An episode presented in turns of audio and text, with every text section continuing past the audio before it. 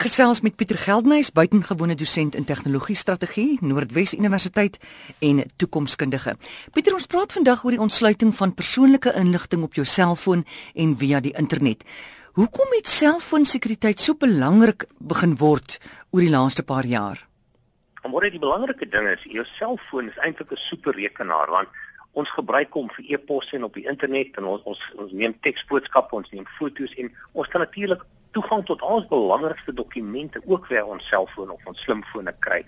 So dis hoekom selfoonsekuriteit so belangrik geword het omdat jou selfoon lankal nie meer net 'n selfoon is nie. Dit is eintlik 'n superrekenaar wat jy in jou sak ronddra en dit gee vir jou toegang tot baie belangrike inligting, ook private en persoonlike inligting.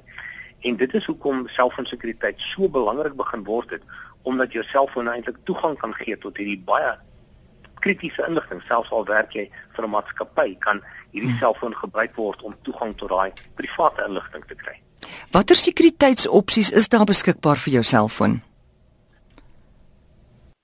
Daar's 'n hele paar opsies beskikbaar. Onthou, jy het 'n uh, is jy jy het 'n slimfoon wat eintlik 'n rekenaar is wat op 'n selfoonnetwerk werk en daarom is daar verskillende opsies. Dan het jy natuurlik 'n bedryfstelsel en toeps wat op jou selfoon werk en al drie, die netwerk, jou selfoon en die toeps op jou selfoon het sekuriteitsopsies. So, as ons dus na die netwerk eers gaan kyk, het jy jou vier karakter pinkode wat jou SIM-kaart kan ontsluit. En dan as ons na die van die netwerk af beweeg na jou foon toe, afhangende van watter tipe foon jy het, kan jy natuurlik jou foon ontsluit. Daar is ook 'n vier uh karakter pin wat jy vir jou foon kan gebruik om jou foon te ontsluit. Maar dan afhangende van die foon is daar ook byvoorbeeld gesigherkenning. Die Android fone het 'n uh, nege kolletjie motief en jy kan dan met jou vinger 'n motief trek op die skerm. Nou dit is nie 'n baie goeie sekuriteit opsie nie omdat jou olie eh, omdat jou vinger olie afskei. So jy kan byvoorbeeld die selfoon in die lug hou en dan kan jy baie maklik sien wat is die motief wat iemand teken en jy kan dus iemand se foon so ontsluit. So dit is nie 'n baie goeie sekuriteit opsie nie. Sekere fone het gesigherkenning. Jy kyk na jou foon en dan ontsluit hy. En natuurlik die nuwe iPhone 5 het 'n vingerafdruk opsie waar jy dan jou vingerafdruk kan neersit en dan ontsluit jy jou foon met jou vingerafdruk. So daar's 'n verskeie klomp opsies. Dan natuurlik het jy natuurlik die toeps op jou foon, byvoorbeeld jou e-pos toep of jy waar jy dokumente stoor en daar het jy 'n aparte sleutelwoord nodig om daai toeps te kan ontsluit. So daar's eintlik 3 verskillende vlakke van sekuriteit wat jy op jou selfoon kan gebruik. Watter rol speel selfoonoperateurs in die opneem en berging van inligting? Volgens wetgewing uh, moet selfoonoperateurs alle data en alle stemoproepe wat jy maak berg vir 'n periode van 2 jaar. En as die regering byvoorbeeld met 'n ondersoek besig is, dan kan hulle sê dat hierdie rekords ontsluit moet word met 'n hofbevel en dan kan hulle kyk watter oproepe jy gemaak het. Hulle kan luister na jou oproepe en ook sien waar jy was as die oproepe gemaak is uh, in in sekere omstandighede. So wat dit eintlik op neerkom is omdat jou stemoproep wel opgeneem moet word, het hulle ook die opsie om alle data wat jy stuur van jou foon af, of dit nou e-pos of foto's of teksboodskappe is, kan hulle ook opneem. Maar onthou die internet werk. Maar jy neem 'n foto, dan word dit opgebreek in sê maar 'n 1000 uh, e-pos of internetpakkies wat rondgestuur word. En om dan moet jy as jy wil hierdie foto's of teks wil ontsluit, moet jy al hierdie internetpakkies gaan soek en jy moet hulle rekonstrueer. So dit is nie so maklik in terme van data om die inligting weer terug te kry nie. Dit is nogal 'n tamelike klompie werk. Maar om om die punt te maak self van operateurs neem wel alle oproepe en data op. Ons moet egter een ding besef. Meeste van ons sit met 'n Wi-Fi konnektiwiteit by ons huis. En as jy dan foto's en teks via Wi-Fi stuur, dan het die operateur geen toegang tot daai data wat gestuur is nie. Dis dan jou internetdiensverskaffer. Hmm. En party mense het 'n landlyn en ander het 'n data dongle van 'n ander netwerk af. So dit raak nogal baie moeilik om te sê het iemand hierdie foto's van sy foon af gestuur, want partykeer word dit nie via die netwerk gestuur nie, maar via 'n 'n Wi-Fi hotspot wat jy nou ook al waar jy dit ook al kan kry. So dit is nogal baie moeilik om 100% te sê dat die selfoonmaatskappy al hierdie berging kan doen. En dan die bedryfstelsel van daai slimfoon. Watter rol speel dit? Nou, die die bedryfstelsel ehm um, het gee vir jou die vermoë om dan eintlik die foon te ontsluit. Soos ek, so ek gesê het, die tweede vlak van sekuriteit.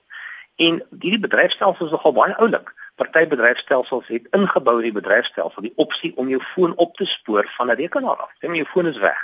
Dan kan jy sê waar's my foon en hy kan outomaties op 'n kaart vir jou presies binne 'n 2 meter akkuraatheid sê waar jou foon is. Jy kan dan ook van die, die rekenaar af jou foon sluit dat niemand by jou inligting kan uitkom nie. En jy kan selfs so ver gaan om al die inligting op jou foon uit te vee vanaf hierdie ehm um, rekenaar uh wat wat jy weet van die rekenaar af waar waar jy ook al is. En dit is eintlik 'n toep wat op jou foon gelaai is wat jou in staat stel om jou foon op te spoor en natuurlik ook jou data uit te vee. Nou, as ons na die Apple omgewing gaan kyk, is daar 'n diens met naam iCloud. En iCloud, buiten die feit dat jy toegang het om jou foon op te spoor, gee dit ook vir jou die opsie om jou e-posse, jou kontakte, jou dagboek te kan terugsteen op die internet. So sê maar jy verloor jou foon, dan druk jy 'n knoppie en jou dagboek, e-posse en kontakte word dan outomaties op jou nuwe foon ehm um, beskikbaar gestel aan jou. En dit is eintlik dus 'n uh, aparte diens wat jy het op jou bedryfstelsel uh, wat baie oulik is in terme van sekuriteit. En die dinge raak nou so ingewikkeld en dan is daar nog toeps ook op jou foon. Korrek, jy het bijvoorbeeld WhatsApp wat jy gaan gebruik en daar ehm um, is daar 'n ander diensverskaffer waar jy dan kan toegang na toe kry. So WhatsApp het dan 'n bediener iewers en hierdie data word dan na hierdie bediener toe gestuur wat dit dan na ander persone se fone toe stuur. So toeps het ook 'n sekuriteitsopsie. Hmm. Uh partykeer het hy 'n sleutelwoord, partykeer het hy nie. So dis jou derde vlak van sekuriteit. Eerstens jou netwerk, tweedens die bedryfstelsel van jou foon en derdens dan die toeps wat op jou foon is. Henk Pieter hulle nie nou maar vir jou ingeroep het om Oscar se foon te ontleed en die inligting daarop nie want hy het mos nou sy wagwoord vergeet op sy iPhone en hulle het nou 3 polisiemanne gevat of drie speurders gevra om nou Amerika toe te vlieg na Apple toe om daar uh, die wagwoord te soek uh, wat hulle seker binne 2 en 'n half eh, minute gaan ontleed. Ek meen, ek kan nie glo dat daar nie in Suid-Afrika genoeg tegnologiese intelligensie is om dit te kom ontleed nie. Soos ek aan die nuusberigte kyk, was Oscar se foon eintlik oop. Mense kon sien wat hy daarop kon doen maar eh, so die sy netwerk en sowel as sy bedryfstelsel was oop. Mense kon sien wat 'n oproep hy kon maak en teks hy gestuur het. Maar as jy sien die iCloud diens wat baie keer as jy 'n foon koop en sê hulle kry iCloud met 'n bietjie vinnige sleutelwoord in. Ek dink dis juist daai iCloud diens wat se sleutelwoord hy nie kan onthou nie. En, en om die waarheid te sê, ek ken so omtrent 20 mense wat nie ook nie hulle sleutelwoorde vir daai deel van die diens sal onthou nie. Is dit baie lank? Um, Nee, dan dis 'n sleutelwoord wat jy uitdink. Jy weet, baie keer as hulle dit skep jou iCloud sleutelwoord en 'n tikkie iets in en, mm. en en en om die waarheid te sê, ek het al myne eers weer keer vergeet. Omdat jy so baie sleutelwoorde moet onthou. Jy weet jy het een vir jou foon nodig, een vir die netwerk nodig, een vir jou toep nodig, een vir elke ander toep nodig. Uh, en ek dink dis jy daai iCloud gedeelte wat eintlik die rugsteuning is van sy kontakte wat hy nie kan onthou nie. En dit is jy deel van die Apple bedryfstelsel of 'n toep wat deel is van Apple en dis juist waar hierdie persone nou hoekom hulle nou drie mense nodig het weet ek nie. Mm. maar dis nou juist om die toegang tot hierdie data te kry. So soos ek die nuusberigte reg kan verstaan is maar 'n baie klein gedeeltetjie van sy foon uh, of sy foon se data. En eintlik is dit maar net 'n rigsteuning van jou e-pos en jou kontakte. So ek dink nie daai data is eintlik enigiets anders as dit wat al reeds op die foon was nie. Watter raad het jy vir gebruikers om hulle inligting te beskerm? Hierdie is 'n baie moeilike een want onthou Ons het soveel sleutelwoorde wat ons moet onthou. Maar nou begin ons op een diens na die ander diens na die ander diens inteken.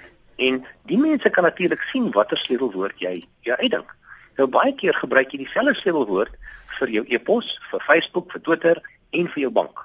En daai is belangrike sleutelwoorde wat eintlik almal anders moet wees. En dan is jy natuurlik 5000 ander dienste waarvoor jy inskryf. Die probleem is as jy veral op jou e-pos wat baie belangrik is om nie daai daai sleutelwoord met iemand te deel nie en ook aan jou bank se sleutelwoord. Jy wil daai sleutelwoorde regtig uniek hou en regtig op geen ander platform gebruik nie. Want wat baie keer gebeur is dat iemand kyk wat 'n sleutelwoord is, dan probeer hulle dit op jou bankrekening en dan ontsluit jy jou bankrekening. Of dan sê hulle maar kom ons kyk na jou e-pos wat daar is om te kyk waar, mense met jou kommunikeer en dan kan hulle baie keer jou e-pos ook kaap deur die sleutelwoord daarop te gebruik. So die raad is baie eenvoudig. Op jou bank en op jou e-pos maak seker dat dit unieke sleutelwoorde is en dat jy dit nêrens anders op die internet gebruik nie. So kry ten minste 3 sleutelwoorde, een vir jou bank, een vir jou e-pos en die ander as jy natuurlik wil, kan jy dit oopmaak. Van my vriende het natuurlik 'n leer op hulle fone waar hulle aparte sleutelwoorde vir elke enkele diens gebruik, maar ek het ongelukkig nog nie tyd daarvoor nie. Maar dit is egter baie belangrike inligting maak seker dat jou sleutelwoorde vir bank en e-pos nêrens anders gedeel word nie. Groot woorde daar van Pieter Geldenhuys.